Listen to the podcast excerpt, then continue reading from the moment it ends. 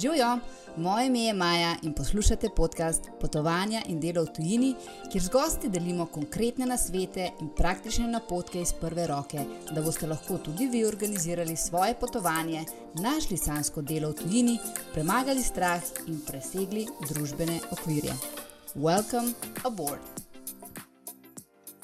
En lep pozdrav v 42. epizodo podcasta Potovanja in delo v Tini. Tole je zadnja epizoda letošnjega leta in moram reči, da sem se jo res neizmerno veselila, zato ker ste jo, oziroma jo boste ustvarjali spet vi. V prejšnji epizodi, 41. ko smo snimali Saro o jahtni industriji. Ste jo tudi v bistvu nekako vi ustvarili s svojimi vprašanji, in ker je bila v bistvu tako dobro sprejeta, in se mi zdi tudi zelo pomembno, da odgovarjam na vprašanja, ki vas zanimajo, ne na tista vprašanja, katera jaz predvidevam, da vas zanimajo. In se mi zdi, da je v bistvu končni produkt potem veliko boljši. Tako da sem se odločila, da tudi zadnjo epizodo letošnjega leta, um, ki je pa seveda solo, posnamem na ta način. Zdaj izbrali smo uh, 19 vprašanj, ravno prav, in sem jih nekako razdelila v take. Uh, na, na, tematsko, tako da ne bomo v bistvu skakali gor in dol, ampak da imamo v bistvu res nekih v bistvu, tri različne tematske uh, variante in uh, da nekako vse spada skupaj. Tako da, kaj naj še rečem, predlagam, da kar začnemo. Če še ne slediš podkastu Potovanje in delo v tujini, to lahko narediš na vseh podcast platformah, na tistih pač seveda, Eh, ki spremljaš podcast Potovanje in delo v tujini. Lahko postiš tudi kakšen komentar, oziroma oceniš z zvezdicami, mislim, da na Apple Podcast in na Spotify to lahko narediš. Tako da bom izredno, izredno hvaležna za to, ker um, to pomeni, da lahko še drugi uh, slišijo za to epizodo, ker avtomatično se potem rangira više na lestvici podkastov v Sloveniji. Tako da um, gremo kar na vprašanja, ker se mi zdi, da, bomo, da se bom kar zagovorila pri nekaterih. Nisem se vnaprej pripravljala, malo sem razmišljala, ko sem bila na poti iz Slovenije v Makarsko. Um, moram iskreno priznati, da so mi nekatera dala za misel in sem prav vesela, da sem jih dobila ta vprašanja, da sem o tem malo razmislila. Uh, ostalo se pa nisem preveč pripravljala, ker. Um, Mislim, da poznam odgovore um, in nisem v bistvu razmišljala pretirano, kaj bom odgovorila. No? Tako da prva tematika, na katero v bistvu je prišlo kar precej vprašanj, pa nisem vedela, da vas to toliko zanima, je v bistvu selitev. Um, selitev v smislu v drugo državo, um, no, in pa v drugo pač neko življenjsko okolje, in predvsem, kar se tiče mene, ne, kako, če bi se jaz kam preselila, in tako naprej. Tako da kar nekaj vprašanj na, na, na to varianto. Um, drugi del je nekako v smislu, ki je moj najljubši, če sem iskrena, zato ker zelo rada o tem govorim in to je uh, omejujoča prepričanja, če jih imam jaz, kakšna, kakšna so omejujoča prepričanja v moji družini oziroma v bližnjem krogu in uh, kakšni, s kakšnimi izzivi se spopadam, uh, kakšni izzivi me čakajo v naslednjem letu, strahovi in tako dalje. Na koncu pa v bistvu tudi nekaj vprašanj prišlo v tem smislu, kako na potovanje, kako na študij v tujino um, in v bistvu pač v smislu dela v tujini. Tako da Uh, vas lepo vabim, da uh, mislim, da bomo ene pol urce do 45 minut tole snemali in vas lepo vabim, da si vzamete kakšno svojo najljubšo pijačo, čajček, kavico, karkoli pijete, se lepo uh, usedete na kavč, posteljo ali pa mogoče greste na kakšen sprehod in uživate v, v uh, tej zadnji epizodi. Uh, Ok, prvo vprašanje. Si predstavljaš, da bi se kdaj preselila v Slovenijo? Zdaj, ker je kar nekaj vprašanj na to temo, moram na začetku najprej povedati, da si, uh, da, da si jaz življenje ne predstavljam več tako, pač, ne, da imamo se preseliti v, v neko državo, pa tam ostanemo do konca življenja. Jaz življenje jemljem malo drugače. Pač po nekih obdobjih, verjamem, da vsako obdobje od tebe zahteva nekaj drugega.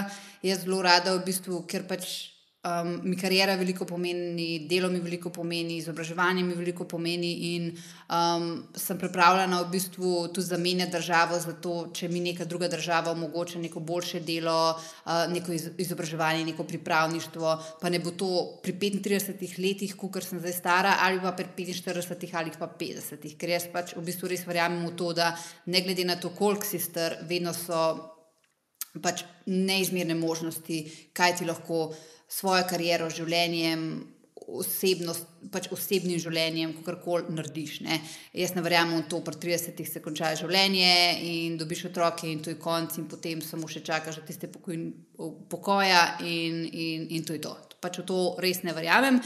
In tudi, kar se tiče selitve, ne verjamem v to, da bom pa tukaj življenje v Makarski preselila, pa se bom preselila v Slovenijo. Um, jaz sem v tem trenutku pač življenje, oziroma v zadnjem obdobju življenja, tako nastavlja, da res lahko delam od posod in da če to pomeni, da se vem, odločva, da greva za tri mesece živeti vem, v Azijo, to lahko storiva.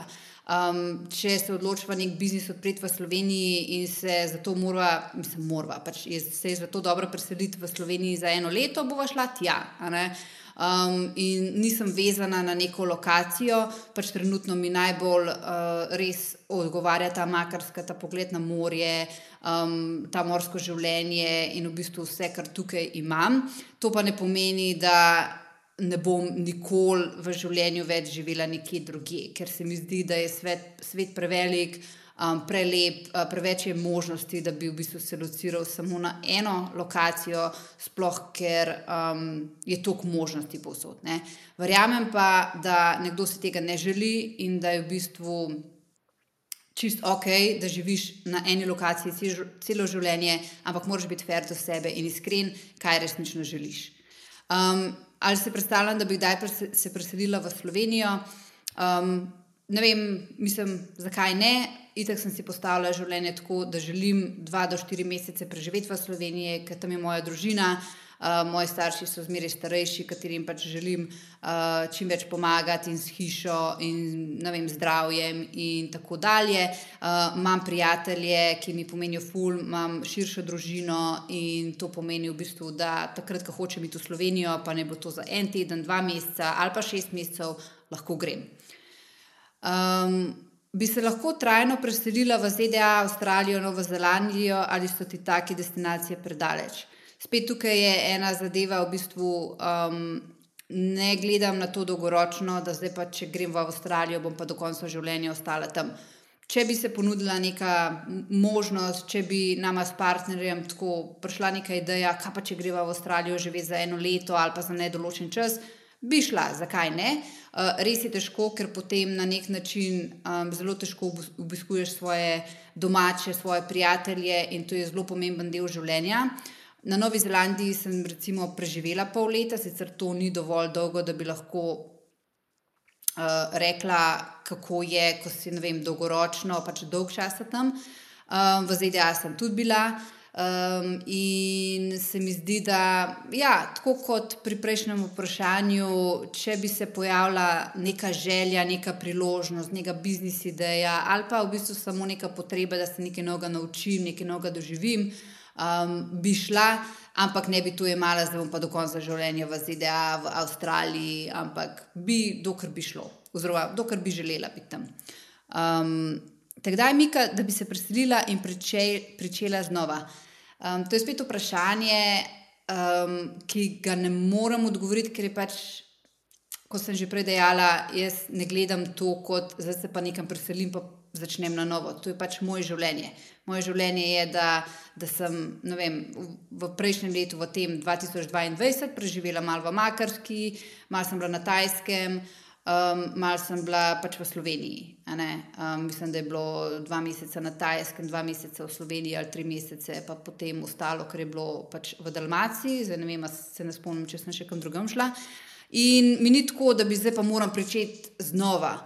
Ampak mi je ok, če se recimo jutri preseliva v ZDA za nedoločen čas, to ne pomeni, da začneš znova, ampak samo nadaljuješ od kjer si, ker pač, kot sem rekla, moje delo je delo remotely od doma in v bistvu samo zamenjam lokacijo.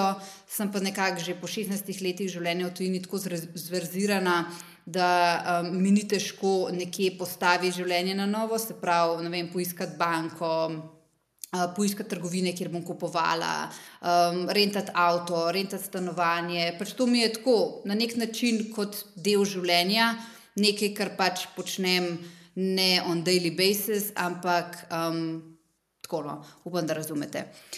Um, tako da, če me kdaj mika, mislim, da um, težko odgovorim na ta vprašanje, kot je zastavljeno, pač mika me trenutno ne, ker um, mi je pač to zelo všeč, da um, če hočem zdaj, recimo januar, februar, marec, ko bo tukaj zelo slabo vreme, burja in tako, če želim za tri mesece s svojim partnerjem na Kanarce, um, lahko greva.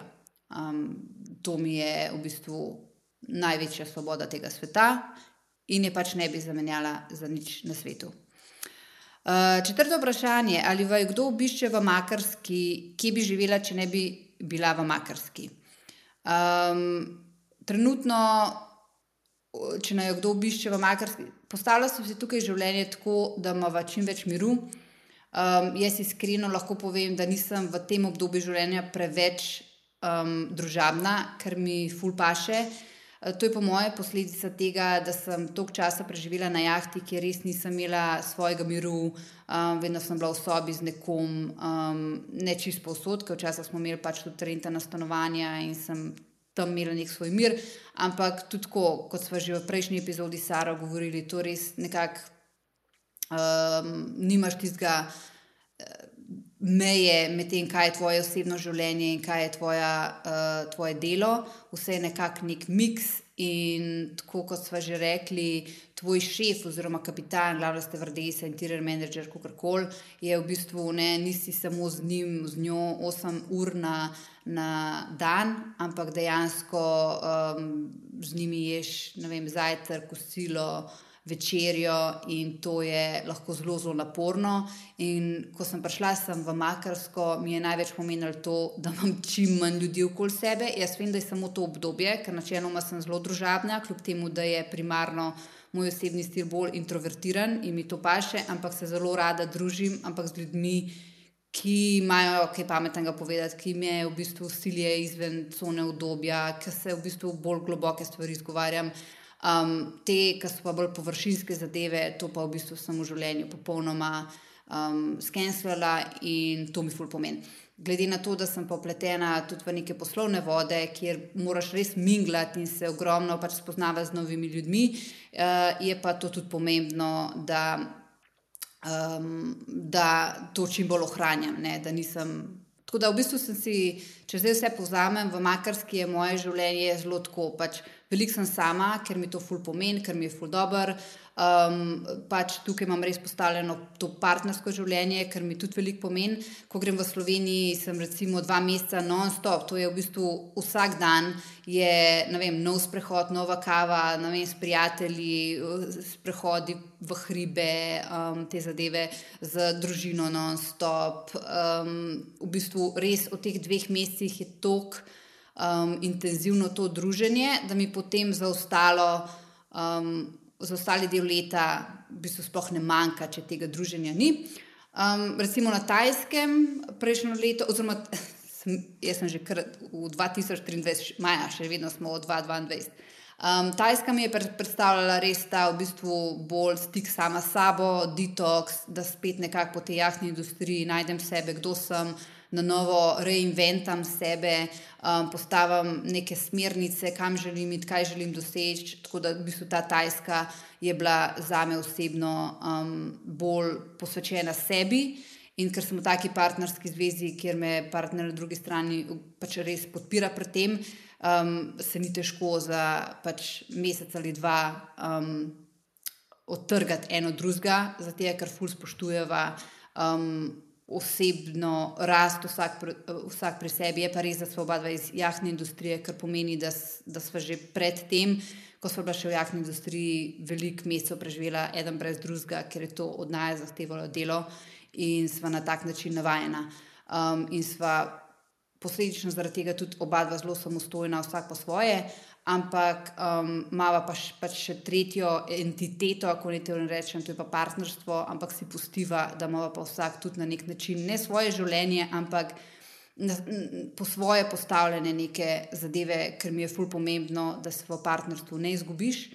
Um, ampak da, da na nek način, um, meni je moja terapeutka vedno rekla, poskusi se naučiti, kako živiš svoje življenje ob partnerju. In to mi je na nek način zdaj uspel, in se pač moram priznati, da mi je neznansko všeč. In to je to. Ne, pa, ne rečem pa, da se nikoli v življenju ne bo pač drugače obrnil, da si ne bi želela ničesar drugega, ampak to je pa pač tako, kot je v življenju. Določena obdobja terjajo določene.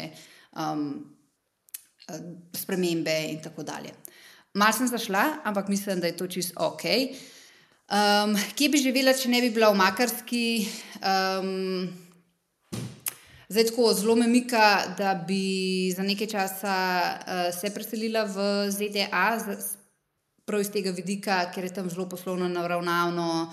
Um, tam je čisto drugačen mindset. Pozabimo na to, da je ok, potrošniška družba, da je tako malo vse površinsko, ampak ostale stvari imajo pa zelo dobro postavljene, kar se tiče biznisa. Um, tam nobeno stvar ni težko prodati, vsi te podpirajo. Um, tako, če imaš tam frende v ZDA, bojo oni prvi v vrsti, ki bojo kupili tvoj produkt ali storitev, te podpirali, te priporočali, ker v bistvu mogoče v Sloveniji tega ni v taki meri. Čeprav jaz osebno no, moram priznati, ko sem izdala svojo prvo knjigo. To je bilo toliko podpore, da um, sem za to ful, ful, hvaležna. Tako da um, tukaj moram reči, da sem imela to podporo in um, nisem doživela tega, ampak ko pa se pogovarjam z drugimi, pa nimajo vsi te izkušnje. Tako da definitivno me ta ZDA me zelo mikajo. Um, bomo pa videli. No. Za naslednjo poletje, seveda, um, spet planiram Azijo oziroma. Um, upam, to je samo ena od želja, da bom v bistvu si lahko vzela celo poletje na nek način frej. In ali preživela celo poletje na barki, ali pa celo poletje nekje v neki lepi kočici, um, ali na plaži, ali, na, ali v džungli, in končno napisala tretjo knjigo. Um, evo, kolegica mi je zdaj poslala mesič, pa sem valjda to pozabila izklopiti. In ja, ogromno je nekih želja. Um, upam samo, da mi vse te začrtane cilje, ki jih imam do poletja, uspe izpolniti v teh petih mesecih.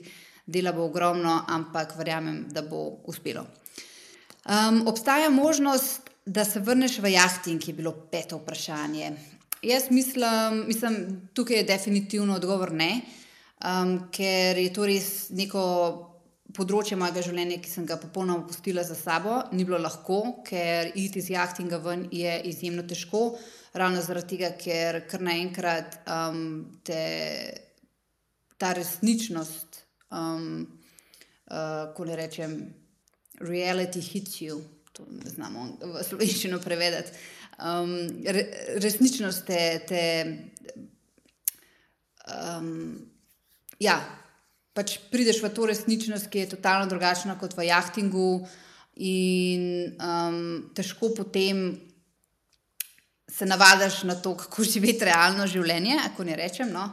Um, vse o tem smo govorili v prejšnji epizodi, v 41. pa se mogoče pejte poslušati, pa boste razumeli, kaj s tem želim povedati. Je pa res, da, sem, da vsake tok časa dobim kakšno ponudbo um, pa ne za delo na jahti, ampak v smislu usposabljanja posadke. In to je ena ideja, ki je mogoče v neki prihodnosti še uresničljiva. Um, seveda, to ne živih na jahti, pač to si del management uh, agencije in uh, izvajaš neka um, izobraževanja. Um, se pa tukaj sprašujem, ali je to še vedno moja strast. Um, ne po, pač ne vem, čisto v drugačnih vodah, zdaj pri tem svojem brendu. Um, ful sem bolj usmerjena v digitalizacijo, um, to me res navdihuje, ko se učim vem, tehnične stvari, uh, kako postaviti spletno stran, kako narediti video tečaje, um, kako delati podcaste. Um, to v bistvu čist neko drugo področje je in se bojim, mogoče, da ne bom čist nekako zanemarila ta področje jahtinga, mentoringa. In tudi časoma, če ti to ne delaš, malo pozabiš kako trenirati in to. In da bi bil to samo one-time gig, samo enkrat, da bi šla to učiti, je pač no-go. Če bi bilo pa to, kot sem jaz že pač te management agencije pre, predlagala, da se trikrat na leto lahko pač oglasim, enkrat vem, v Dohi, enkrat na Sešeljih, enkrat v Mediteranu. Ker so pač te barke, in naredim eno mesečno izobraževanje, pa lahko, dokler, ker če pa to samo enkrat zdaj, ne vem, pa v bistvu ne glede na to, koliko je ponujenega denarja ali kako koli se mi pa ne splača, ker porabim toliko energije, da šiftam um, pač ta mindset iz tega, kar delam zdaj. Um, v to, pač, da moram sestaviti cele um, programe, in tako dalje. Tako da, um, to je edina povezava, ki jo imam še z jahtingom. Uh, v neki prihodnosti mogoče upam, da bom uresničila še eno idejo, ki sem jo začela je, vem, pet let nazaj. Ampak to je samo tisto, pač, če bo prišel trenutek, če bom začutila tisto strast, ampak se pa ne, ne vežem preveč na tono. Šesta vprašanje, kako potuješ do Slovenije z avtom ali avtobusom? Um, zdaj, tako, enkrat sem šla z avtobusom, s Flixbusom in je bilo to horror experience, sem rekla, nikoli več. Um, prvi zaradi tega, ker imajo zelo čudne povezave, mislim, čudne povezave. Povezava je dobra, Makarska, Zagreb in Zagreb, Ljubljana, ampak v, v Zagrebu, ne vem, prideš v 4 zjutraj in pol, moraš čakati 2 ure pa pol in niša, zdaj tam srednjo noči čakam na drug bus. Um, poleg tega so to pač, um, nočem biti nesramna, ampak ljudje na avtobusu pač nimajo najboljših higijenskih navad in tudi um, socialnih navad, kako niti mu rečem, ne znajo biti tiho um, derajo se in vse to. In jaz pač v, v tem življenjskem obdobju tega ne rabim, tako da v bistvu mislim, da je to no-no. Um, veliko krat pač greva skupaj, oziroma me, me tudi pač moj dragi pelje v Slovenijo in pride iskat. Um, seveda se s tem pol narediva še nek tak road trip, vedno greva kakšne plitvice, ali pa zdaj smo šla v Rovin in pa v Patijo um, kam se še šli, ali pa se ustavili v Šibeniku, ali pa v Ljubljani, recimo, ostaneva nekaj časa, pa tako shendlava.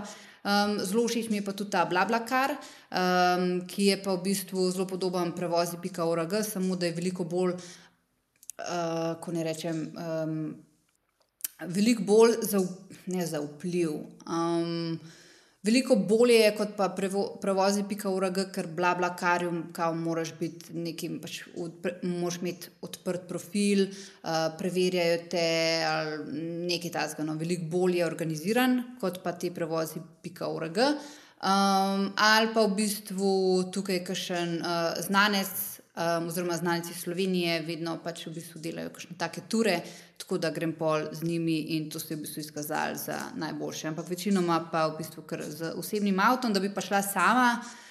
Mi je pa tako mal, um, da bi šla sama z avtom, mi je pa tako um, po eni strani waste of money and time, zaradi tega, ker pač ne da ne rada vozim, ampak ne rada vozim te dolge ture. Uh, um, potem en velik avto, da voziš in v bistvu porabiš 200 evrov za dve, v, obe smeri, in da si sam, um, mi je tako mal res. Um, plus, ker sem večinoma tudi v, v Ljubljani. Um, tam s tem velikim avtom po Ljubljani ti je tako. Pač na koncu moraš uh, pregledati, kaj ti najbolj um, paše.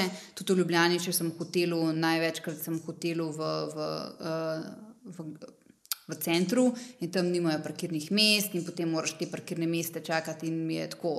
Um, no way, in mi je lažje, v bistvu, če sem v centru Ljubljane, uporabljati AvantGo, ki mi je totalno huda scena, um, ti električni avtomobilčki, ki jih v bistvu um, najameš preko aplikacije, res je ugodno, um, kdaj najamem taksi. In v bistvu sem videla, da je za mene osebno veliko lažje to, tudi ker mi ni treba skrbeti, kje bom pustil avto, pa plačevati hiše, ker to lahko konec koncev nanese veliko denarja. No. Uh, tako da, ja, sedmo vprašanje je mal izven konteksta, ampak je toliko izven konteksta, da ga nisem mogla nikamor dati v te tri različne, um, v te tri različne teme. Ali se bo Bled daj turistično razvil primerno svoje lepoti?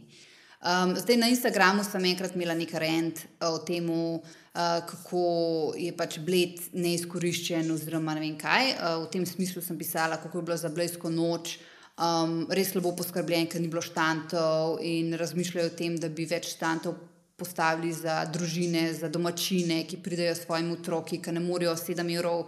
Ne vem, zapraviti za nek velik hodok, da nimajo koki, da nimajo sladkorne pene, kar je meni največ pomenilo, ko sem bila majhna, iti na blejsko noč in uno sladkorno peno vzeti. Bili so pa samo neki štanti za, za turiste, konc koncev. Tudi cene so bile primerjene turistov in mi je bilo na nek način ne fair, ker domačini so tudi del bleda in zelo pomemben del bleda. Um, in sem potem mal um, ven padla in tudi na občino potem um, mal, um, ko ne rečem, pisala in tako. Tako da um, to vprašanje, ali se bo bled daj turistično razvil, primerno svoje lepoti, se mi zdi, da je bled čist ok raz, razvit, kar se tiče turistično. Um, nekateri se pač pritožujejo, da je to pač, pač kraj, kjer je bolj za high class in bi se pač mogli imeti samo 4-5 zvezdnične hotele, imamo pa kar neke hostele in da se v bistvu bi mogel bled odločiti, kaj zdaj ali high-end uh, destinacija ali destinacija vem, za povprečnega turista. Um, tako da jaz mislim, da kar se tega tiče, bled je čisto ok. Eh, zelo je turistično razvit, ampak moje osebno mnenje, ampak to je samo moje mnenje, se mi pa zdi, da je bled, um, da bi jaz naredila bled po podobi, tako kot ga je um, pač videl Arnold Trikli, ko je v bistvu uvedel ta, um, pač, uh, ko ne rečem, well-being, turistični well-being, ko je pač vozil vem, švicarske, avstro-ogrske um, plemiče in vse to in jih tam zdravil. Um, tako da se mi zdi, da je energija bleda bolj v to smer, kar koli bojo pa naredili, bo pa pač tako, kot želijo narediti. Ampak se mi zdi tudi v tej smeri, da bi deloval, ker cel turizem, kot jaz pač spremljam, bo šlo v sustainable, bo šlo v well-being, um, ne bo več toliko teh. Preditev koncertov, um, pač, ker bomo mogli vrčevati in z energijo, in z vem, vsemi temi ljudmi so zmeraj bolj bolani, zmeraj bolj bojo šli v ta well-being in skrb zase in vse to. In lokacije, ki bojo to pač ponujale, sploh tist, za tiste ljudi, ki so premožni. Um, poleg tega ne omenjam, no, ker je bil tok mehen, pač ne moreš imeti masovnega turizma in pač tudi ta ideja, da je kar. Bled odprt za vse, za poprečnega turista, mi je mem, zaradi tega, ker je pač tako majhen. Moramo gledati tudi drugod po svetu, ne vem, tudi ni vse za vse, pač nažalost. Jaz sem tu živela v Monaku, mislim, da dva, tri mesece, pa tam ni bilo neke ponudbe za mene. Tam je bila ponudba za multimiljonarje in pa milijarderje. Mi smo tam v bistvu šli na en kozarc vina, ki je bil 7 evrov, pa to je bil najbolj čip roze, ki je bil za noč, če si hotel dober vin piti, je bilo to 20-30 evrov na kozarc. In pač tam ni bilo ponudbe za mene in kaj naj tam delam. Imeli smo nek bowling in to je to. In tam meni v Monaku mi je bilo brez veze, praktično čist, čist brez veze. Tam imaš luksuzne trgovine, imaš kazinoje, imaš avtomobile, imaš um, Grand Prix in vse to. In to je pač destinacija, ki je namenjena um, elitam. Pač nažalost, tako je, v takem svetu želim, živimo in ni vsaka destinacija za vsakogar. Ampak to je spet neko moje mnenje iz pač nekih mojih izkušenj um, potovanj in življenja po svetu. Um, in pa nekaj izobrazbe, no, iz, iz turizma in gostinstva. Um, gremo zdaj na drugo na drugo temo, ki je pa omejujoča prepričanja, strahovi, izzivi in tako dalje. V bistvu moja najljubša tema. Ali imaš v svojem krogu ljudi z omejujočimi prepričanji, kakšnimi in kako handlaš?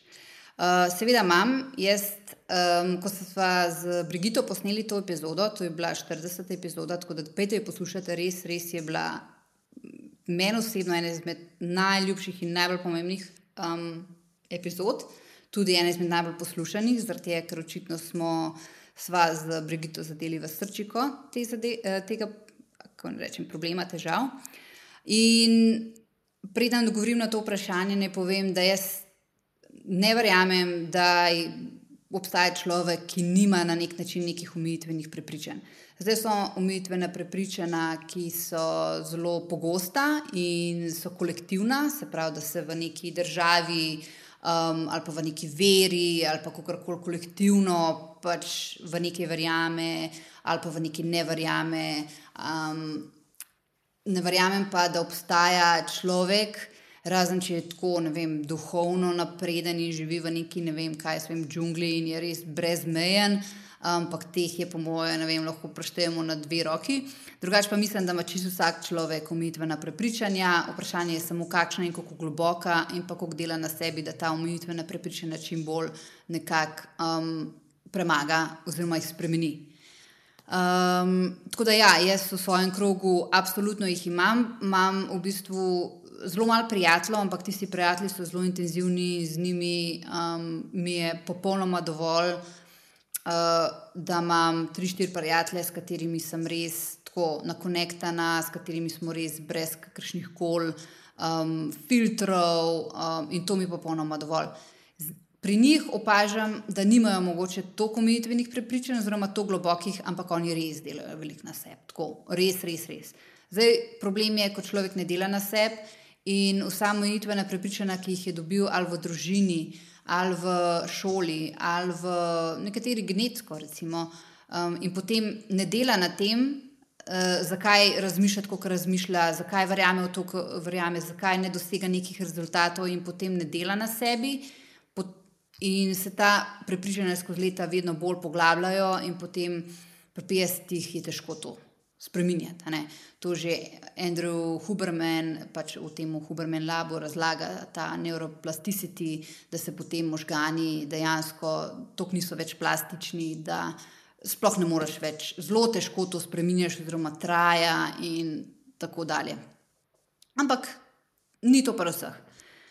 Kakšne so omejujoče prepričanja, ki jih imamo v bližnjih krogih? Se pravi, um, najbolj bi poudarila, da so to v bistvu izrazito kolektivna v Sloveniji, no, um, ki vplivajo na te ljudi, ki so v moji bližini. So recimo vem, življenje kot žrtev, pač vse so krivi drugi, vse je kriva država, vse je kriv tvoj šef, vse je kriv sistem in vse to pač nesprejemanje odgovornosti imaš ti možnost, da nekatere stvari v življenju lahko spremeniš, in um, ne moreš celo življenje živeti v tem, da so za vse krivi drugi, ker to pomeni, da um, to je najlažje. Najlažje je kriviti druge, najlažje je kriviti sistem.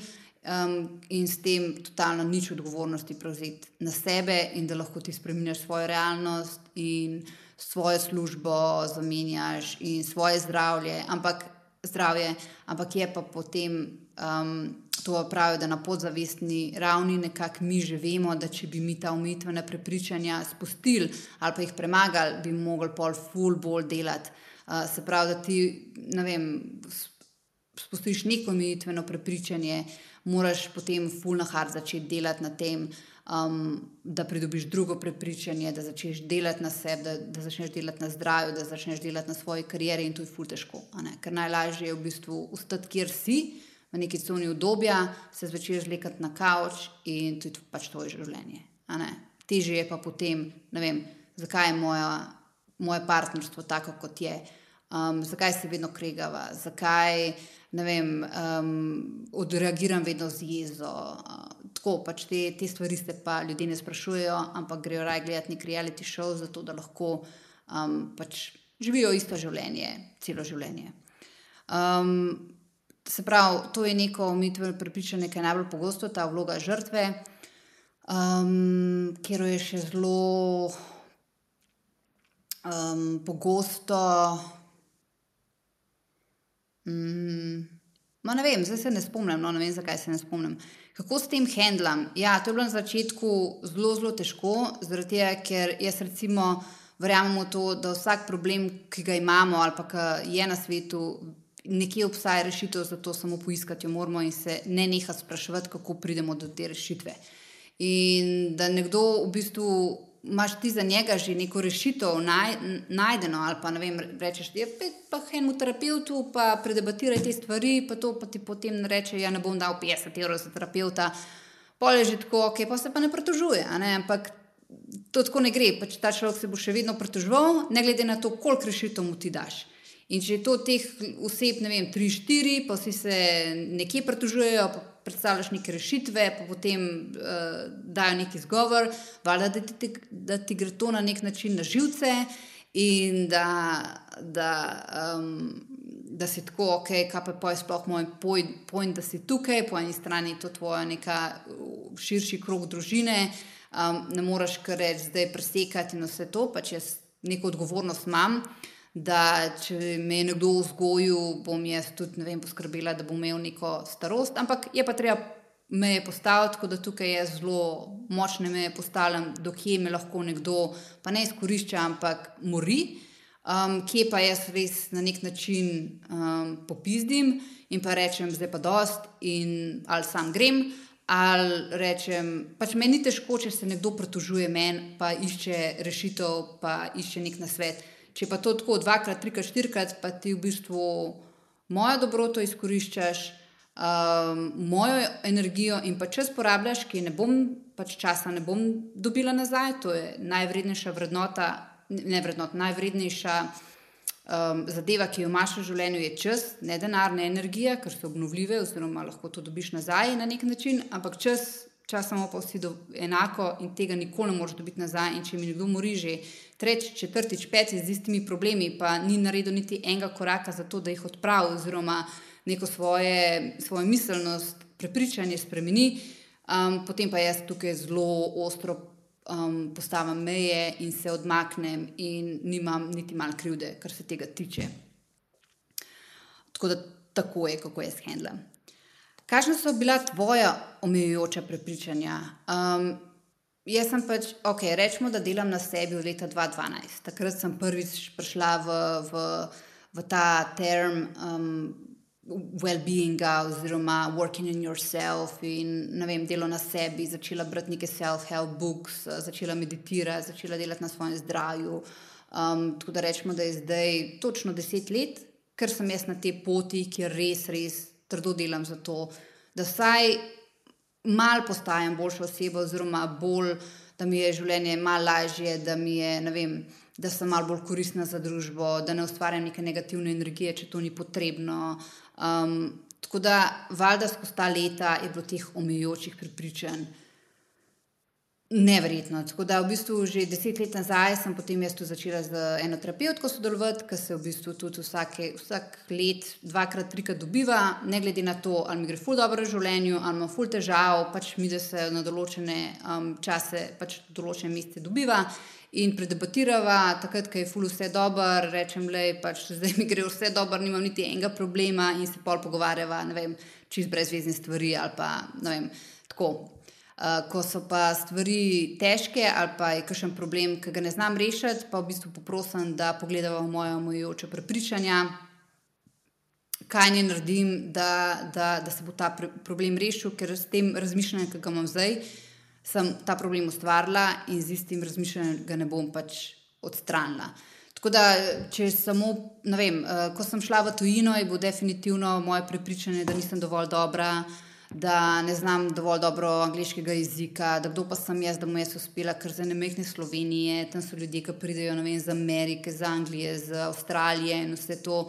Um, mi smo pa tam neki loleki, ki smo, ne vem imamo nek naglas čuden. In to so bila definitivna, definitivno moje prepričanje. Zelo sem bila prepričana v to, da ne, devel, ne delam dovolj, da nisem dovolj dobra pri delu. Potem, ko sem pa začela v Ameriki delati, je bilo pa tudi tako. Jaz sem 50% delala več kot drugi in sem videla, da mi je tako mala šala opraviti to delo, medtem ko drugim je bilo tako res. Hard, ali pa so na pol upravili neko stvar, in tako sem pridobila neko samozavest, neko vero v sebe, v pismo, se moje delo je pa full vredno. Uh, um, pa ful več delam od drugih in to moram pač na nek način um, izkoristiti.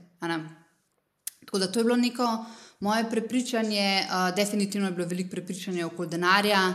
Um, to sem v bistvu ugotovila, ko sem prebrala uh, knjigo Millionaire's Mindset, ne vem točen. Um, bom v link epizode dala točen naslov.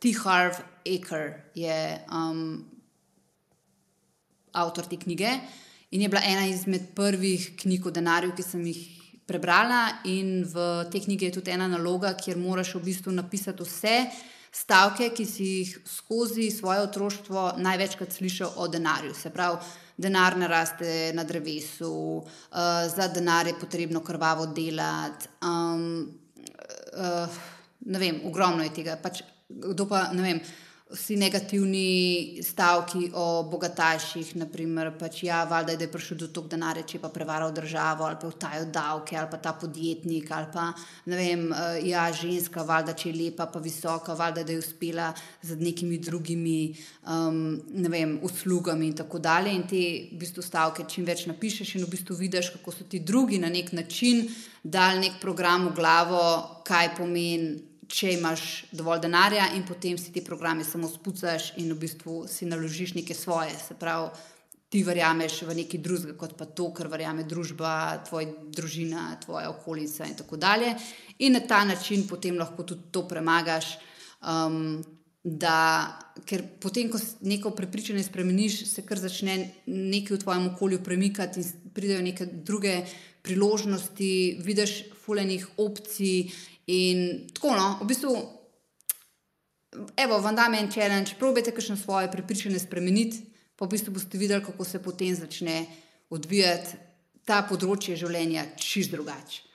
Um, tako da ja, ta, ta, ta knjiga mi je v bistvu dala misel ogromno o denarju, pa potem seveda še delo z bogatejšimi, ki imajo totalno drugačen mindset kot pa mi um, nimajo strahu, strahu pred izgubo denarja. Se pravi, če imaš ti, to sem imela, recimo, strah pred izgubo denarja, in če, če imaš ti ta ponotranjen strah pred izgubo denarja, potem um, ni, ni vprašanje, ali se ti bo to zgodilo ali ne, ampak kdaj se ti bo zgodilo, da boš ta denar izgubil, zaradi tega, ker non-stop iščeš potrditve v svoji okolici, da izgubljaš denar. Da, vem, tako pač zelo, zelo zanimivo. No. Res predlagam, da kakšno tako knjigo, kar se tiče denarja, ker vem, da na tem je največ umitvenih prepričanj, da pač uh, preberete.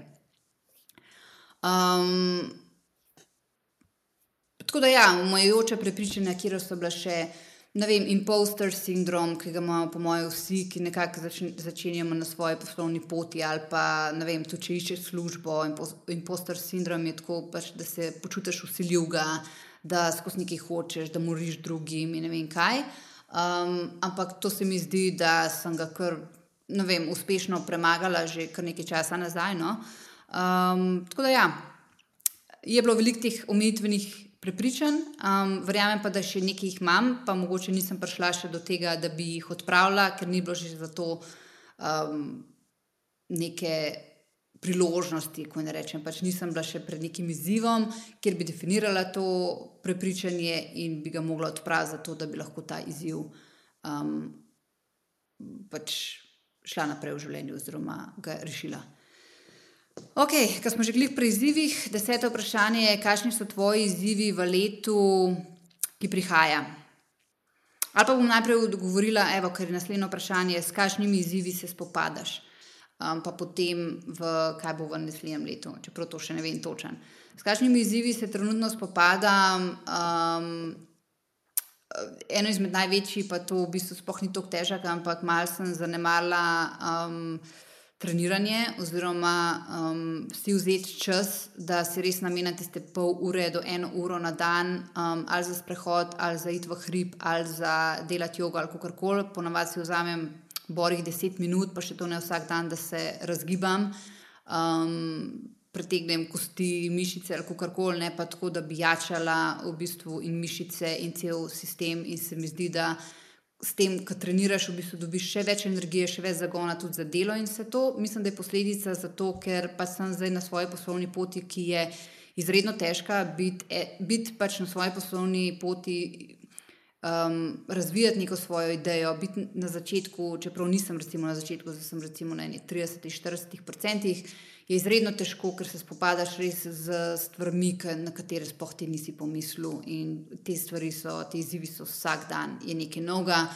In moraš imeti ogromno neke energije in pa tudi discipline, da se vsak dan usedeš za računalnik, in ker ni vse lepo in svetoče, in se usedeš za računalnik in delaš stvari, ki te veselijo. Ne, včasih se z stvarmi ukvarjaš, se najmanj hočeš ukvarjati, ker se v normalni službi ne bi ukvarjal, ker samo prideš, 8 ur delaš in greš domov in imaš normalno življenje. Tukaj je pa v bistvu tudi, če se ne vem, če ob desetih zvečer pade spletna stran, pa ne vem, ti lansiraš nek uh, tečaj, pa imaš akcijo, pa je ful preveč ljudi na, na, na spletni strani, moš to ob desetih zvečer reševati. Pač tega stresa je res ogromno.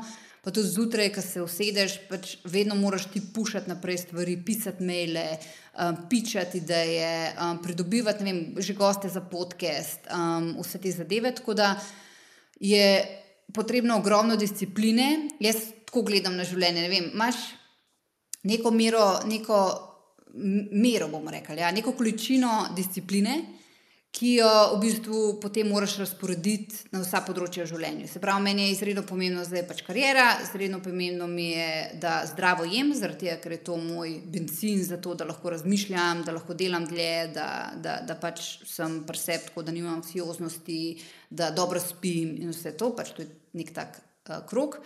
Um, in mi premalo discipline potem ostane za to, da razgrnem tisto jogo med in treniram in, in ne, ker že tako, pač že v normalnem življenju. Um, Ne vem, imate pa vi, recimo, ali otroke, ali kar koli, pa pač že za to porabljaš, ne vem, kot otroci, tu treba non-stop gnati, non-stop jim govoriti, non-stop postavljati meje, non-stop jih nekaj težiti. In tudi v bistvu, na nek način, pa vem, da to ni ok, lahko primerjamo s svojim biznisom. Non-stop pač moraš biti neko gonilo in postavljati meje in tako. In potem vala, da ti ne ostane dovolj discipline, energije, da še tisto eno uro ali pa vsaj pol ure um, oddelaš nek trening, čeprav veš, da bi ti to noro koristilo. Tako da ni, ni največji izziv, s katerimi se, se zdaj spopadam, je pa izziv, v bistvu je bil to prvi, ki mi je prišel na misel, verjamem pa, da je še kakšen drugi. Kakšni so tvoji izzivi v letu, ki prihaja? To pa vem, da bo izziv, oziroma upam, da ne, upam, da zdaj ne pošiljam napačne energije, da bo pa zdaj točno to problem. Ampak zna biti problem, um, se, s katerim se soočam že kar nekaj časa, tudi iz jahne industrije, ko je pač izredno težko najti dobro delovno silo, ki te posluša, ki sledi navodilom, ki um, nekako razume tvojo vizijo in pa ki trdo dela to je danes Mission Impossible. Jaz verjamem, da je 5% ljudi takih, ki je sposobnih takega dela, vsi ostali pač pa nočem biti sramna, ampak želijo samo prijeti v službo, oddelati tiste, pač dobiti mesečno plačo in to je to. In to je izredno težko, če nisi veliko podjetje, ki lahko ne, da neko solidno plačo. Mislim, jaz, jaz vedno plačujem, ok, se mi zdi, um, nikoli nisem slabo plačevala. Um, Ampak kot veliko podjetje, pač ti garantiraš tudi za neko varnost, um, za neke dodatne vrednosti, ki jim daš zaposlenim. Jaz pa v bistvu rabim v naslednjem letu veliko svojega dela outsourcati. Outsourcati pomeni, da pač daš nekaj dela, da jih ti ne delaš več, ampak da daš drugim za delati in seveda je to prek pogodb oziroma uh, freelancerjev. In mi je pač zelo, zelo težko najti um, ljudi, ki dejansko naredijo tako, kot ti rečeš. Um, napišeš navodila in naredi, in te ni treba mikromanagirati, in ni treba popravljati in gledati. Ker v tem letu se mi je zgodilo to, pa že v jahni industriji, da ko jaz podam neka navodila, kako nekaj mora biti, neko časovno omejitev. Um, pač roki, dokdaj mora biti, pač je že narejeno, ampak je zelo površno narejeno, in jaz to moram popravljati in pregledovati. Je bila ekipa, ki je za me naredila e-mail, uh, tole avtomatizacijo, um, sem vse plačala, gor dol, pa sem pa videla, da sploh ni, um, te e-maili sploh niso poslani ljudem, ki bi jih mogli biti. In to je bilo en mesec, in oni so zelo dal e-knjigo, pa sploh niso dobili te avtomatizacije e-mailov. Se pravi, čisto vsako stvar jaz moram pogledati, za kar pa nimam čas, časa, ker jaz za to najamem ljudi, da to naredijo perfektno. Jaz nisem človek, ki želim mikromanagirati, um, ampak želim pač imeti ljudi, ki bodo naredili tako, kot morajo. Ne? ne, da jaz moram, jaz ful sovražam, da enemu moram trikrat eno stvar povedati. Um, čakaj, da bo to odgovoren, enkrat ti povem, naredimo meeting, naredimo navodila, pa pa naredi, kako je. Ne? Ne, ne, da te jaz moram vem, opominjati na roke in vse to. Pač, in tega je, tega je zmeraj manj in to me ful skrbi. In tukaj bom še eno stvar rekla, ker verjamem, da bi bo veliko ljudi zamerali, ampak jaz kome čakam, da bomo imeli umetno inteligenco um, kjer meni ne bo treba ljudi najeti za to, ampak samo umetni inteligenci pove, pač dati navodila, da mi napiše ta pa ta blog post na to pa to temo, da mi te uh, ključnike noter, um, to pa to besed mora biti, uh, SEO, SEO mora biti narejen za spletno stran in to je to. In pač jaz to verjamem, da smo. Ne vem, če sem še lansko leto, oziroma to leto, plačevala za copywriting, verjamem, da v letu 2024 ne bom rabila več za copywriting plačati. In če sem v 2022 še rabila lektorja za angliški jezik, se mi zdi, da v naslednjem letu pač tega ne bom več rabila. In to osebno je meni, ful, ful mi paše, ker je delo narejeno tako, kot mora biti, um, v točno določenem času, in pa nimam nekih interakcij z ljudmi, čustvenih, um, ker pač, ko z nekom delaš poslovno, ne more biti čustev. Um, pa to nočem zdaj, da se pač slabo sliši, ampak le, pač nekaj damo za delo, to mora biti narejeno in to je to. Ne? ne moramo mešati nekega osebnega življenja s poslovnim življenjem. To sem se tudi naučila na jahti, pač ko smo delali, smo delali.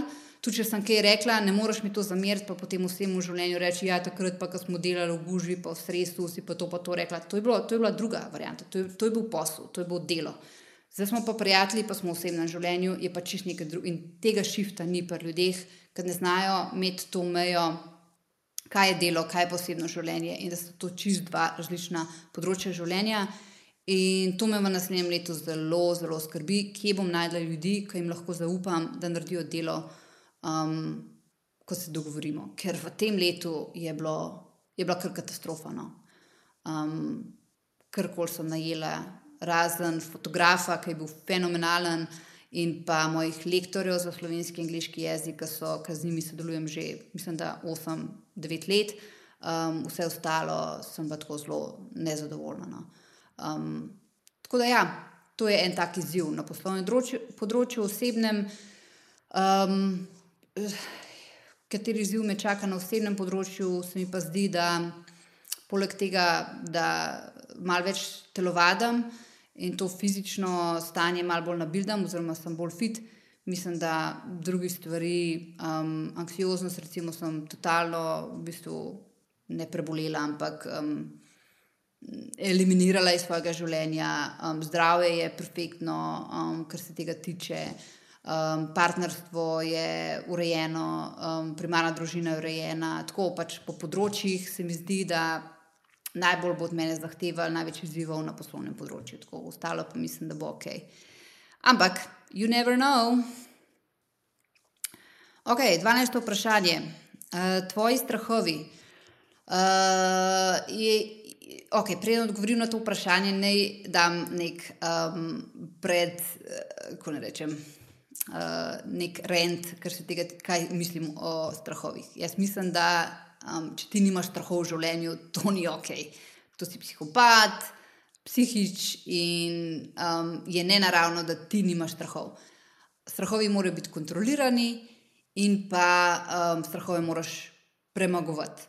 Um, ne smeš pustiti, da te nadvladajo, ker to potem nikoli ni dobro, ker to gre samo, sam še huj, huj, huj.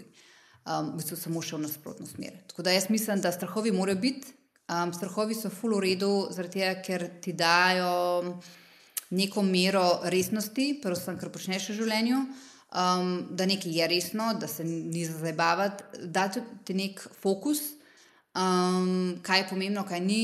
In mislim, da so ok, če jih znaš strahove dobro uporabljati. Strahovi niso ok, če so to neki pozavestni vzorci, oziroma če jih ne znaš kontrolirati, oziroma pustiš, da kolektivna zavest, mediji okolica, starši, prijatelji projicirajo svoje strahove na tebe, takrat je pa to problem.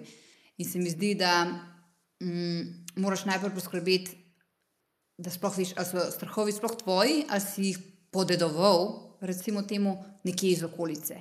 Potem, ko pa vidiš, da so res tvoji, greš pa v neka podzavestna vzorce, kje si jih predelal te strahove, a se je nekaj zgodilo v tvojem otroštvu, da si pač ta strah dobil in probaš priti temu do dna, zato da vidiš, da ta strah na koncu je res votov in potem narediš ta korak, da, um, da ta strah prebagaš. Ampak tudi tukaj bi še rekla, da mogoče nekateri strahovi, vsaj v mojem življenju, nekaj, nikoli ne izginejo, vedno so prisotni, ampak jih tako jemljem. Pač, lej, jaz sem šofer, jaz odločim, kdaj me bo strah in kdaj ne. Pač vem, da si tukaj na, na, na, na sprednjem zdicu z mano, ta strah stoji. Oziroma, sedi, ampak jaz odločam, kdaj me bo prevzel, kdaj ne. Naprimer, strahovi, s katerimi okay, se soočam že od nekdaj, je, če gremo tako čisto plastično, strah pred letenjem, um, ta ne bo nikoli izginil, verjeten. Um, ker vem, po 16 letih, ko grem na letalo, pa mi je še vedno strah. Mm, Mogoče bi kakšna hipnoza tukaj pomagala, na to sem že res pač pomislila. Um, drugače pa imam neke tehnike, vzamem sabo CBD, vzamem tiste stvari za pomiriti, naravne, um, poslušam neko umirjeno musko um, in imam nek self-talk, in potem gre vse ok. Več kot potujem z letalom, lažje je, najtežje je, ko vem, nisem pol leta na letalu in potem je drama. Ampak spet ne taka drama, da bi mi to onemogočilo, da nikoli ne bi potovala. Je pa res, da nikoli nisem temu strahu pustila, da me odvrne od tega, kar pač zelo rada počnem, oziroma sem počela. Oziroma, um, mislim, še vedno rada potujem, ampak ne na tak način kot včasih. Zdaj, recimo, so moja potovanja bolj v smislu, da grem na nek retrit, da grem na nek retrit v smislu ali detoksa, ali tako kot pač bi želela napisati knjigo, pa se res odmaknem, ker ko pišeš knjigo, rabiš mir, rabiš, da te nihče ne moti, um, tri mesece, tako pač uh, izkupaš. Vem, telefon, samo za nujne stvari, ali pa ne vem, kakšne uh, poslovne zadeve v tem smislu, zdaj mislim na potovanje, ni mi pa več od tega, da bi šla, ne vem, oh, gremo v Laos potovati za 14 dni, um, ali pa gremo na, na, na safari v Kenijo, to mi pa, vem, pač ni več blizu, ampak so drugačen način um, potovanja, mi, pač potovanje mi je zdaj všeč.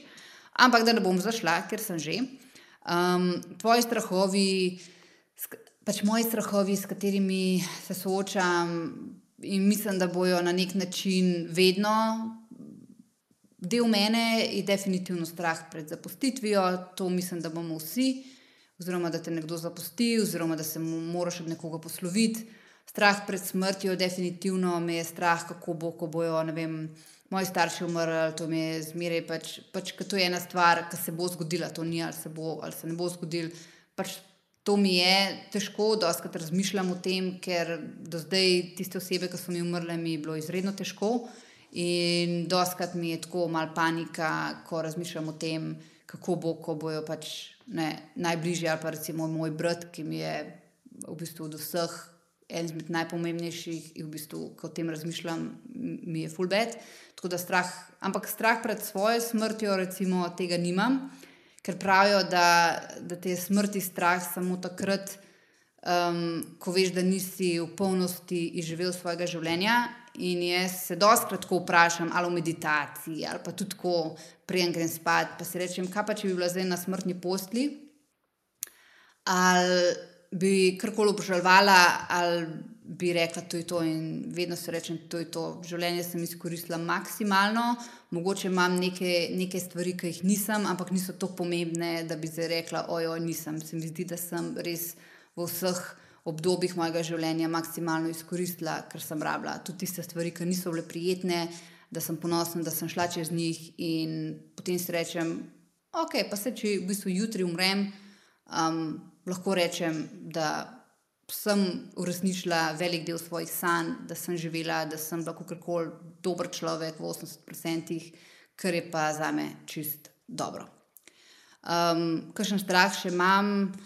Uh, Ja, te so mogoče taki naj, najtežji, najglobji, ampak mi je pomembno, da se jih zavedam in pa da se včasih pač o tem pogovarjam z ljudmi um, in da v bistvu ugotoviš, da imamo vsi na nek način podobne strahove.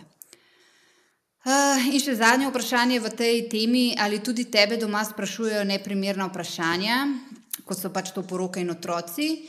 Zdaj, uh, prej, odgovorim to vprašanje, bi še zmeraj. Uh, prej nekaj povedala. Jaz mislim, da to niso neprimerna vprašanja. Jaz mislim, da so to čist ležite vprašanja, ki pač vsakega zanimajo. Moramo vedeti, da je družba tako naravnana, da um, je pričakovano od tebe, ok, zdaj zmeri manj, zdaj ta poroka je zmeri manj pričakovana. Ni čisto narobe, če živiš na koruzi, pa ne daš 10 ur za poroko. Mislim, da je to dost um, splošno zdaj sprejeto, da ni treba biti poročen. Včasih, ko je bila ta krščanska vera veliko bolj um, pomembna, in um, je bilo to pač. Ni bilo vprašanje, ali se boš poročil ali ne, ampak kdaj se boš poročil. Medtem ko otroci, tudi nekako zdaj je vedno več ljudi, ki se odločajo, da nimajo otrok in da je to sprejeto, ampak mogoče v Sloveniji še vedno je pričakovano, da, da imaš neko družino. Um, Zdaj sem recimo tudi Jordan Petersona, ki ga zelo obožujem in se primarno zelo z njim strinjam. Vse, kar reče, je rekel, ja, Um, pri 45 postane življenje brez otrok zelo težko, zaradi tega, ker se takrat zaveš, da v bistvu nisi naždal svetu in da na nek način um, nimaš neke zapuščine. To, to je bila prva stvar, ki se mogoče nisem strinjala, ti lahko svetu daješ ali zapuščino ali kako koli na bilo drug, kjerkoli drug način. Um, včasih so ljudje, ki ki so tako sposobni, ki to lahko dajo svetu, da v bistvu, če bi imeli svojega otroka in so to energijo in vse to dal enemu otroku ali pa dvema. Um, če pa ne bi imeli otroka, bi pa lahko na nek način spremenjali svet in toliko nekih novih inovacij dal. Um, seveda je to lažje za moške, zaradi tega, ker še vedno je pričakovano od žensk, da skrbijo za družino, za dom, eh, one vzgajajo otrok, otroke. Ampak včasih pa tudi so ženske tiste, ki lahko veliko pripomorejo, in ženska sama se mora odločiti, ali bo raje to energijo, ljubezen, um, kreativnost dala otrokom, ali bo v bistvu ustvarjala nekaj za svet. Tako da um, tukaj je spet ena stvar, ki ful prihaja v to, v spredje, da se več od tega govori. Um, zdaj, ali mene to sprašujejo?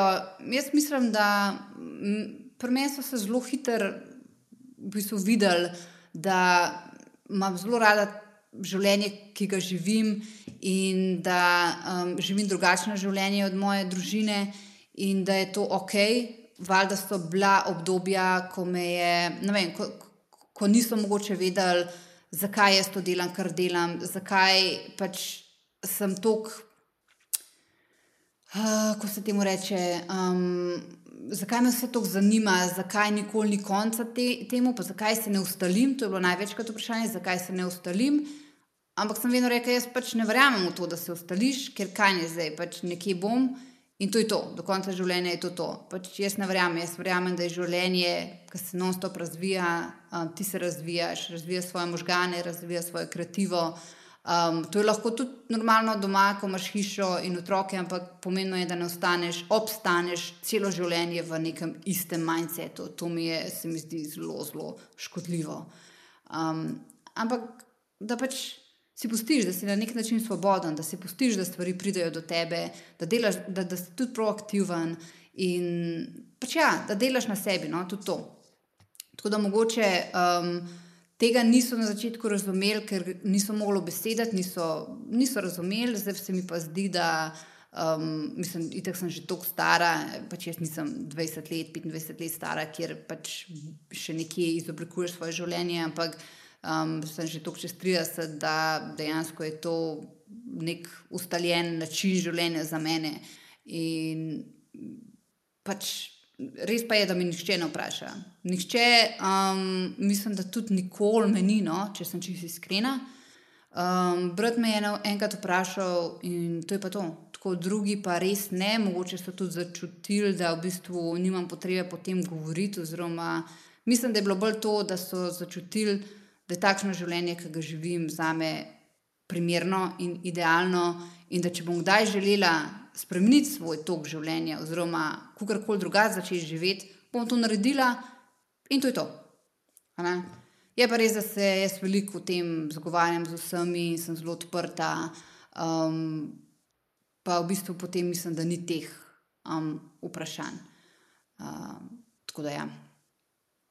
Oko smo dolgi, že uro in pol, ne uro in tri minute.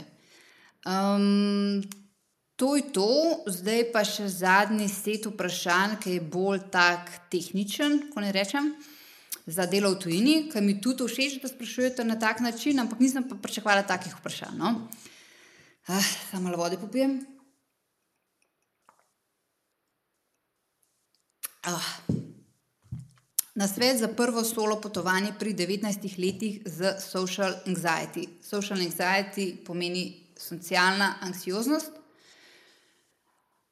Jaz bom zelo lajčna to zdaj um, razložila, ker sem jaz prese pogotovila, kar se tiče anksioznosti. Nisem pa zdaj tukaj nek psiholog in verjamem, da pri psihologih, psihoterapeutih lahko dobijo ful boljše odgovore. Um, pač obstaja generalna anksiozna motnja, ki je v bistvu nasplošno, pač imaš anksioznost in um, na nek način na vseh področjih življenja. Medtem ko uh, social anxiety pomeni, da imaš anksioznost, ko moraš priti v stik z ljudmi, se moraš z njimi pogovarjati, uh, moraš, pač imaš neke konfrontacije in vse to. Jaz verjamem, da kar sem jaz pa se videla pri anksioznosti, je, da moraš iti globoko v sebe, zakaj um, se ta anksioznost pojavlja. Se pravi, moraš začeti razreševati neke pozavestne vzorce. Kako to narediš? Greš do psihoterapeuta, psihoanalitika, um, se pogovarjaš, pustiš, da uh, se odpreš um, in, in pač govoriš, in on te že zna voditi. Zdaj vem, da to mlajši, večino mlajši poslušate in vem, da nimate več teh predsotkov, da je treba do terapeuta, ker naši starši to je no-go, ker če greš do terapeuta, to si pa nor, to si pa čudak in ne vem kaj, to so pač stare generacije. Mi, milenici in pa Gen Z, je to čist neka druga varianta in tako pač imajo ponovadi v svojih.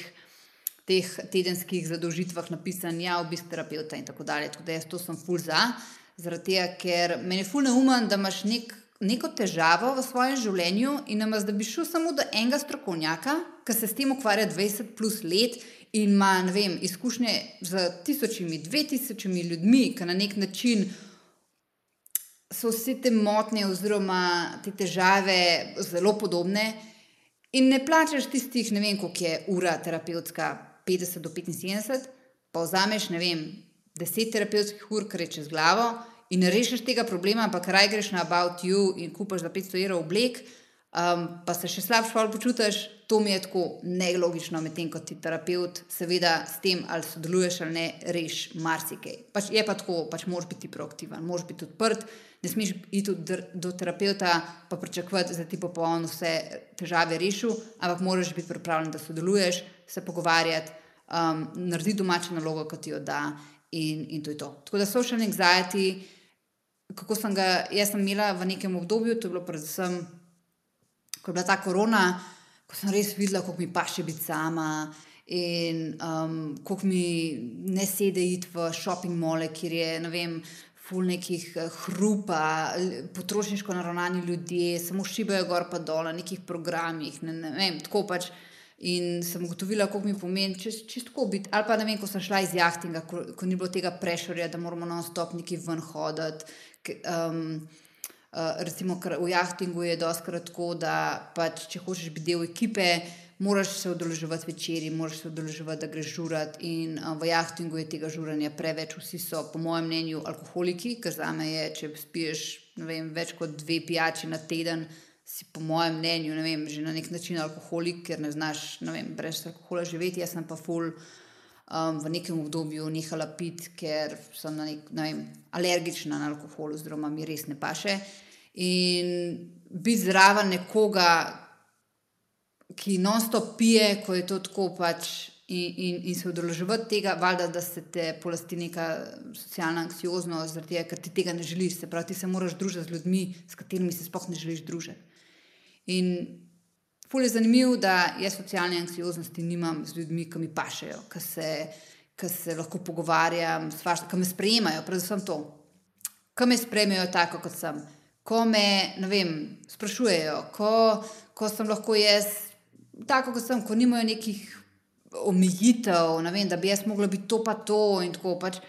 Um, in pri takih ljudeh jaz nimam anksioznosti. Mislim, da je um, manj verjetnosti, da boš imel, imela socialno anksioznost, ko greš potovati, ker, kot smo že v prejšnjih epizodah podcasta govorili, da uh, ko greš v tujino, je vse čist drugače. um, ni toliko te intenzivnosti, ki jo imamo v Sloveniji, in veliko bolj si sprejet, recimo. Um, in je manjša vrednost, da boš v tujini imel to socialno anksioznost, večja vrednost je pa, da ko si nekje, kjer, moraš, kjer te hočejo ljudje dati v neko škatlo.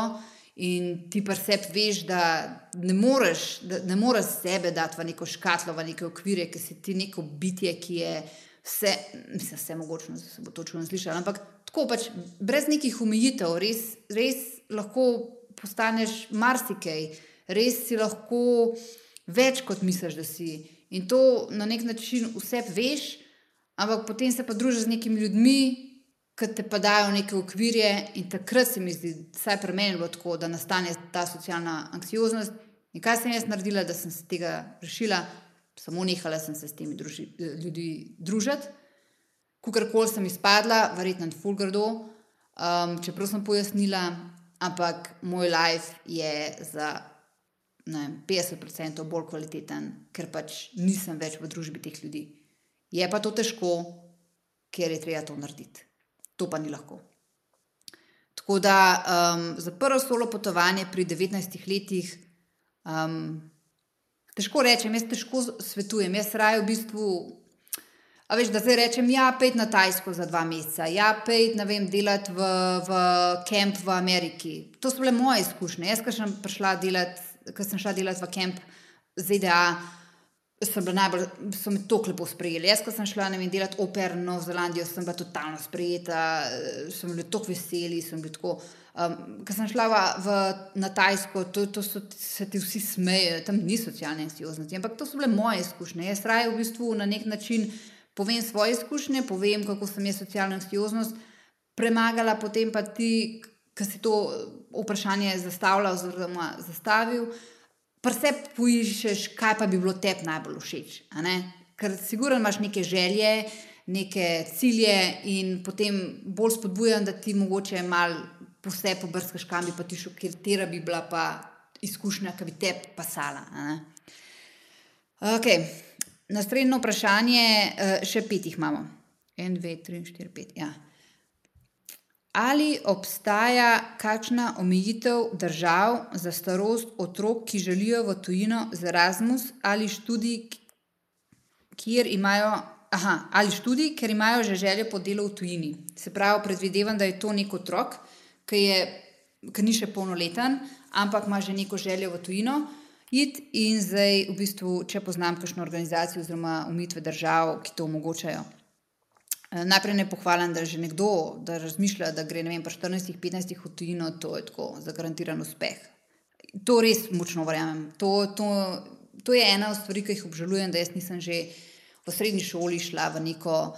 Um, na neko izmenjavo, ali pa tako, kot sem bila znančna na sestanku za študij v ZDA, um, ki primarno je za dijake, da nisem šla v Ameriko študirati, kjer lahko dobiš polno štipendijo in celo srednjo šolo študiraš v Ameriki. To mi je tako največji fail, ampak takrat ni bilo tega. In zato toliko bolj govorim za mladim, stari. Toliko imate možnih opcij, vi ste pa na enem mestu. Ok, če nimate želje po tujini, če nimate želje po premikanju, prav, to je vaša odločitev. Ampak tiste, ki pa imate, pa tega ne izkoriste, jaz sto procentno mislim, da vam bo žal, potem, ko boste starejši. Um, tako da tukaj, zdaj Erasmus, um, jaz sem bolj zdaj v tem Erasmusu, kar se tiče izmenjav na fakultetah in pa za mladega podjetnika. Zato, ali greš tu lahko na Erasmus v srednji šoli, nisem čist prepričana, verjamem pa, da marsikdo, ki to posluša, ve, ali lahko greš ali ne. Jaz mislim, da lahko greš na izmenjavo tudi v srednji šoli. Nisem pa še tako globoko v tem. Uh, to raziskala, zato ker primarno so pač moji kandidati od 18 do 30 let, tudi do 35 let, ampak primarno je ta starostna grupa od 18 do 30 in jaz se fokusiram, da dobim čim več informacij za to starostno grupo. Je pa res, da ta študij v ZDA, o katerem sem prej govorila, omogoča študij v ZDA predvsem dijakom, se pravi od prvega do četrtega letnika, preden se odpišeš na fakulteto. To pa je možno. Večinoma je to študij za športnike, je pa to možno tudi študij za um, koga druga, da dobi štipendijo. Večinoma je to za športnike, ampak bi se dal dobiti tudi za koga druga. Je to izredno kar dolgotrajen proces, ampak poznam agencijo, ki se s tem ukvarja in dajte me kontaktirati, da vas povežem.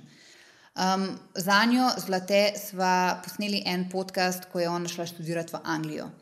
Uh, da ti se to poslušati, uh, načeloma ti lahko študiraš kjerkoli um, želiš po svetu. Uh, je malo težje, ker si moraš vse sam v, v, v, v, pač lastni režiji urediti, um, te dokumentacije, velik, velike dela, ampak se mi zdi, da če je želja potem, se to more pač um, uresničiti. Oziroma, ja.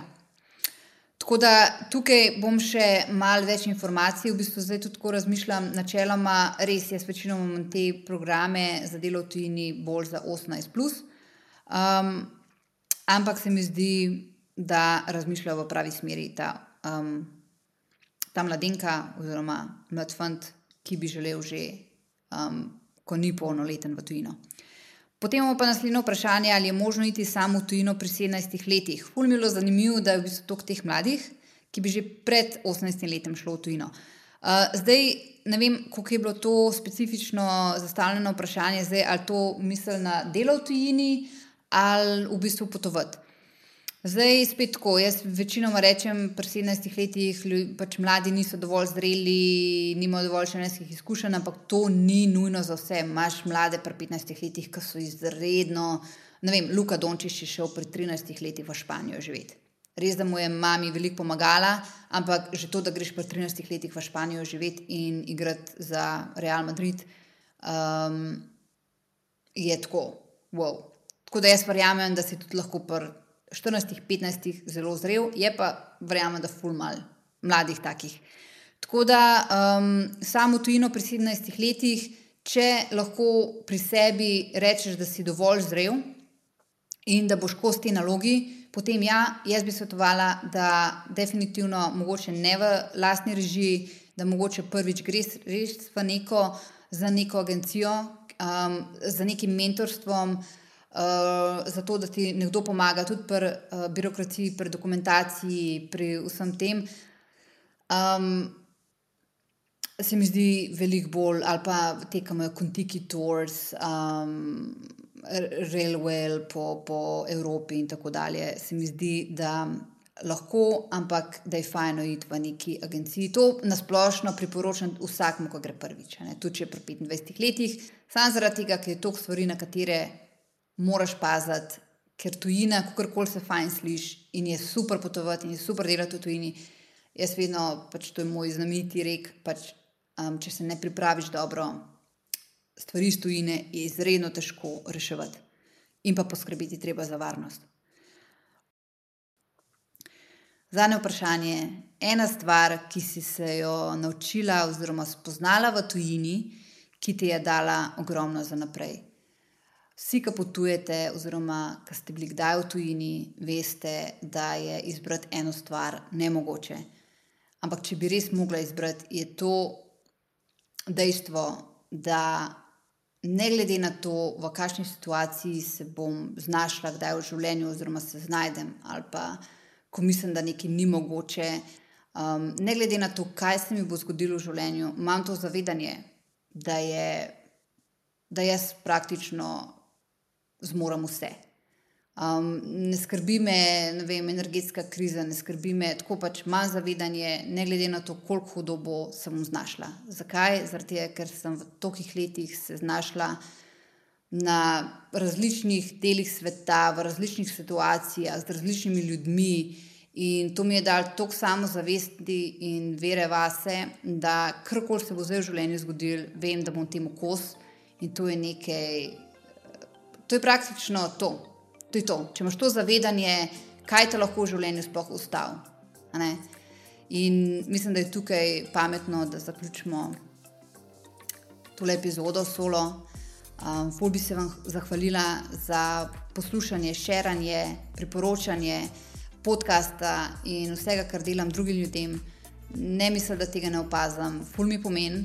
Um, ful mi pomeni, uh, da ste spoštljivi do mene, do mojega dela, praktično nimam, um, ko ne temu rečem, stran, kandidatov, poslušalcev, followerjev, ki so težki. Imam res, imam res, da brez publiko in zato sem fulh hvaležna. Vem, da pol stvari, s katerimi se zdaj ukvarjam, se ne bi mogla, če ne bi bilo vas in to mi je izredno pomembno. Tako da bi se vam na tem mestu zahvalila za vse to in bi vam zaželela res eno super 2023 uh, leto. Zdaj ne vem, ali si postavljate cilje ali ne, kakorkoli. Um, upam, da si boste uresničili kakšno novo stvar. Um, kadarkoli me lahko kontaktirate, najraje na e-mail, zato da lahko pač um, vam odgovorim. V 2023 končno prihajajo stvari, katere pač res želim lansirati, kot so e-tečaji in pa uh, določena mentorstva, in pa da res zberem vse možne možna dela v tujini, študije, pripravništva na enem mestu, da vam res lahko dam vse možne informacije, da si boste lahko ustvarjali neke svoje izkušnje in s tem postali boljši, bolj konkurenčno, močni na trgu dela in na nek način naredili življenje, ki si ga želite živeti. In jaz samo želim, da veste, da je to mogoče in da če se pripravite do tega, da verjamete v to, da je vse mogoče, potem tukaj ni meja in vam bo uspelo, in jaz verjamem v vas, in to je to. Gremo naprej in vse lepo, srečno 2023, in se vidimo v novem letu. Ciao!